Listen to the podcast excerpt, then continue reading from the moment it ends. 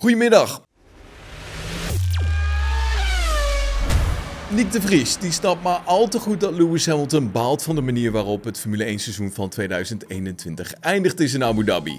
Toch benadrukt de Vries dat Max Verstappen een waardige wereldkampioen is die dit titel dubbel en dwars verdiend heeft. Ja, het Formule 1 seizoen van 2021 zit er alweer een tijdje op. En toch raakt men nog altijd niet uitgepraat over de controversiële gebeurtenissen tijdens de Grand Prix van Abu Dhabi. Sommige mensen die vinden dat de wedstrijdleiding juist heeft gehandeld toen ze besloten om de coureurs tussen Verstappen en Hamilton uit te halen. En anderen, ja, die zijn van mening dat de wedstrijdleiding steek heeft laten vallen en dat Verstappen zijn wereldkampioenschap dus op een oneerlijke manier heeft verkregen. Ja, hoewel Niek van mening is dat de wedstrijdleiding niet juist gehandeld heeft, ja, kan hij niet anders erkennen dat Verstappen het kampioenschap verdiende.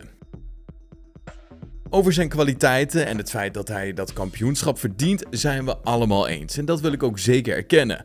Anderzijds heeft Lewis ook een sterk seizoen gereden. We moeten dan ook bekennen dat hij op die zondag in Abu Dhabi alles heeft gedaan wat hem het kampioenschap zou moeten bezorgen. Dat er beslissingen zijn genomen die niet volgens het boekje waren en eigenlijk als een verrassing kwamen, ja, die hebben hem uiteindelijk het kampioenschap gekost. Dat is natuurlijk wel een zeer kwalijke zaak en dat kan denk ik echt niet in sport. Maar ja, wat doe je ermee? Dat vraagt de Vries zich hardop af. Ja, dat weet ik niet. Hamilton die heeft sinds de controversiële Grand Prix van Abu Dhabi niets meer van zich laten horen op social media. De zevenvoudig wereldkampioen die houdt zich ongeveer al een maandje stil. En er zijn nog steeds altijd geruchten dat hij zou overwegen om zijn helm aan de wilgen te hangen. Ik begrijp zijn gevoelens goed. Althans, ik zou me niet kunnen voorstellen hoe het is om een achtste kampioenschap op die manier te moeten verliezen, maar ik respecteer en begrijp zijn gevoelens. Andersom denk ik dat het minstens net zo was geweest wanneer de situatie andersom was geweest. Maar goed, Max is gewoon een supergoede rijder en een held en hij verdient het kampioenschap. Zo is het ook wel weer. Al dus de regerend Formule E-kampioen. En in Amerika dan, daar zijn ze weer hard aan het werk om het asfalt nog maar weer eens opnieuw aan te pakken. Want ook afgelopen Formule 1 race in Austin kende weer de nodige klachten vanuit de coureurs. Vooral tijdens de MotoGP zorgt het circuit volgens de coureurs voor gevaarlijke situaties, maar ook de Formule 1-coureurs die hebben er last van.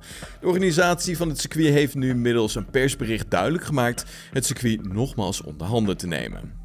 En het team van Alfa Romeo heeft de naam en het logo voorzien van veranderingen. Ja, de Zwitserse renstal zal van Alfa Romeo Racing Orlen naar Alfa Romeo F1 Team Orlen gaan. Ook het logo en de huisstijl lijken te gaan veranderen.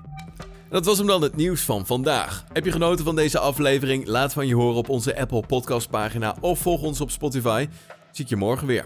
Tot dan. Hoi.